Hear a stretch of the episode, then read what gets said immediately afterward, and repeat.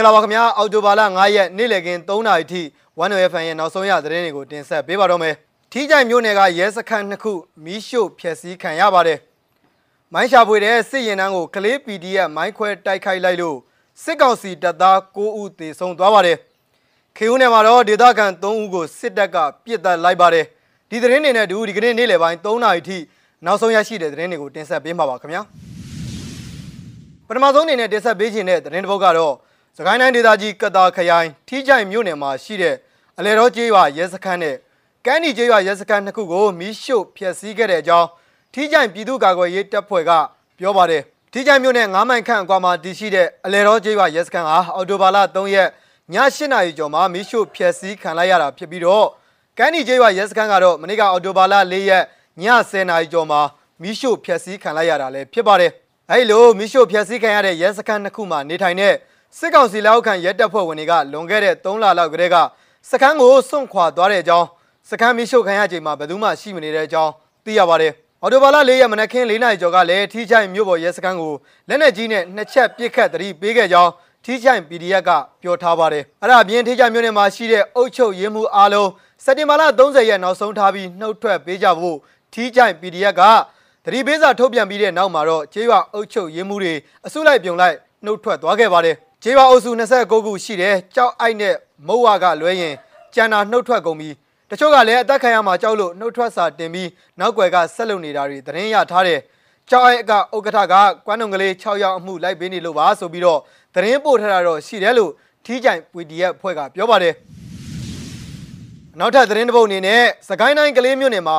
မိုင်းရှာဖွေတဲ့စစ်ကားဆယ်စီးပါရင်နှန်းကိုကလေးမြို့ပြည်သူ့ကာကွယ်ရေးတပ်ဖွဲ့ PDF ကလေးက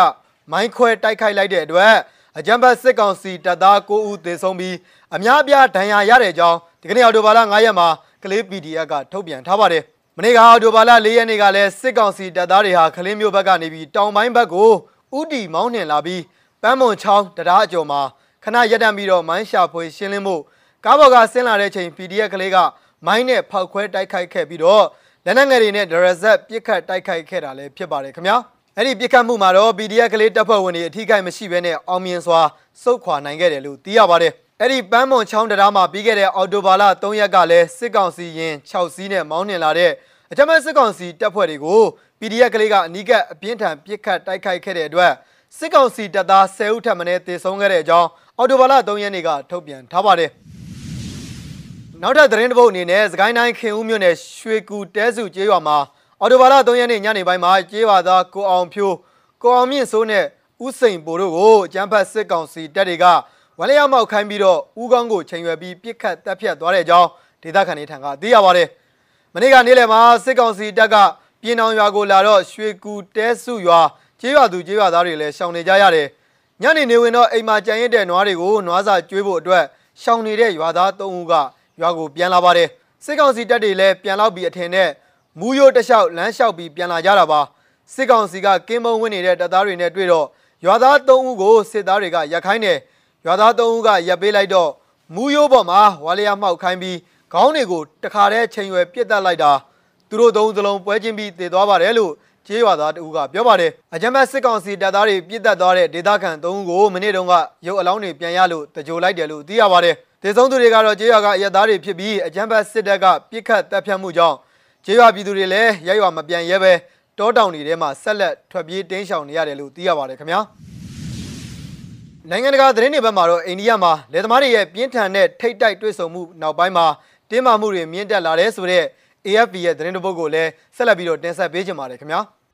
ဆန္ဒပြလယ်သမား9ဦးထက်မနည်းတေဆုံးခဲ့တဲ့ထိတ်တိုက်တွေ့ဆုံမှုတွေဖြစ်ပွားအပြီး တင်းမာမှုတွေမြင့်တက်လာတဲ့အခြေအနေမှာအော်တိုဘာလ၄ရက်တနင်္လာနေ့ကရဲကားတစ်စီးကိုဆန္ဒပြသူတွေကမီးတင်ရှို့လိုက်ပါတယ်။ဥတာပရာဒက်ရှ်ပြည်နယ်အတွင်းတနင်္ဂနွေနေ့ကဖြစ်ရဟာစိုက်ပျိုးမြေပြုပြင်ပြောင်းလဲရေးအပေါ်အိန္ဒိယမြောက်ပိုင်းလယ်သမားတွေရဲ့တနစ်ကျော်ရှိပြီဖြစ်တဲ့စံကျင်ဆန္ဒပြမှုအတွင်းအများဆုံးလူသေဆုံးခဲ့တာဖြစ်ပါတယ်။သူ့ရဲ့သားနဲ့ ပြည်내ဒုတိယဝန်ကြီးချုပ်တို့ပါလိုက်ပါလာတဲ့အစိုးရဝန်ကြီးတို့ရဲ့ရင်တန်းတစ်ခုကြောင့်ဆန္ဒပြပွဲတစ်ခုအတွင်းကလူလေးဦးသေဆုံးခဲ့ရတယ်လို့လယ်သမားတွေကဆိုပါတယ်ဆန္ဒပြသမားတို့ကရိုက်နှက်ခဲ့တဲ့အတွက်ရင်မောင်းကရင်ကိုမထိန်နိုင်တော့ဘဲအခုလိုဖြစ်ရတယ်လို့ဝန်ကြီးကဆိုပါတယ်ဒေါသထွက်နေတဲ့ဆန္ဒပြသူတွေကကားအများပြားကိုမီးတင်ရှို့ခဲ့ပြီး BJP ပါတီကိုထောက်ခံသူ၄ဦးအပါအဝင်လူ9ဦးသေဆုံးခဲ့ပါတယ်။ တနင်္လာနေ့ကဆန္ဒပြသူတွေဟာသေဆုံးသူလက်သမား၄ဦးရဲ့အလောင်းကိုမှန်ခေါင်းတွေနဲ့ထည့်ပြီးဆန္ဒပြခွင့်အတွင်ချ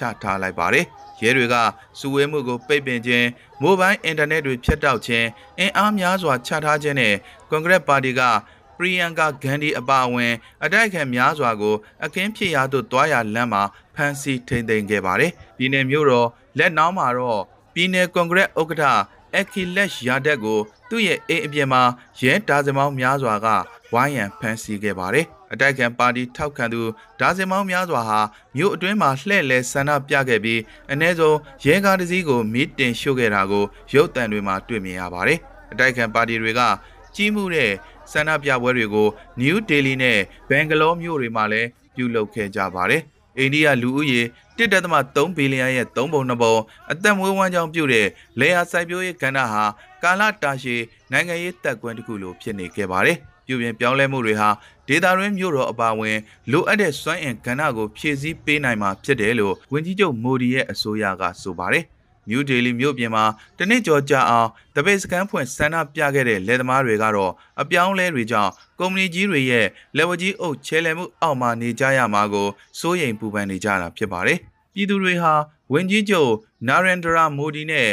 Uttar Pradesh ပြည်နယ်ဝန်ကြီးယောဂီအဒစ်ယနာရှ်တို့ရဲ့အိန္ဒိယလူမျိုးတွေကိုဗြိတိရှအုပ်ချုပ်သလိုအုပ်ချုပ်နေမှုကိုစန့်ကျင်ဆန္ဒပြနေတာပါဒီကနေ့နိုင်ငံနဲ့တဝန်တစုတစည်းတဲ့ဆန္ဒပြပွဲတွေဟာနိုင်ငံကဒီအစိုးရကိုလက်မခံကြောင်းပြသနေတာဖြစ်တယ်လို့ ဆန္ဒပြသူတို့ကဆိုပါတယ်ဆန္ဒပြနေတဲ့လယ်သမားတွေကိုကားနဲ့လိုက်တိုက်လို့ထွက်ပြေးကြရတယ်ဒီကိစ္စအတွက်ဝင်ကြီးရဲ့တားအပါဝင်တာဝန်ရှိသူတွေကိုအိန္ဒိယဥပဒေမှာပြဋ္ဌာန်းထားတဲ့လူသတ်မှုနဲ့အရေးယူနိုင်ဖို့ကြိုးစားရမယ်လို့၎င်းကဆိုပါတယ်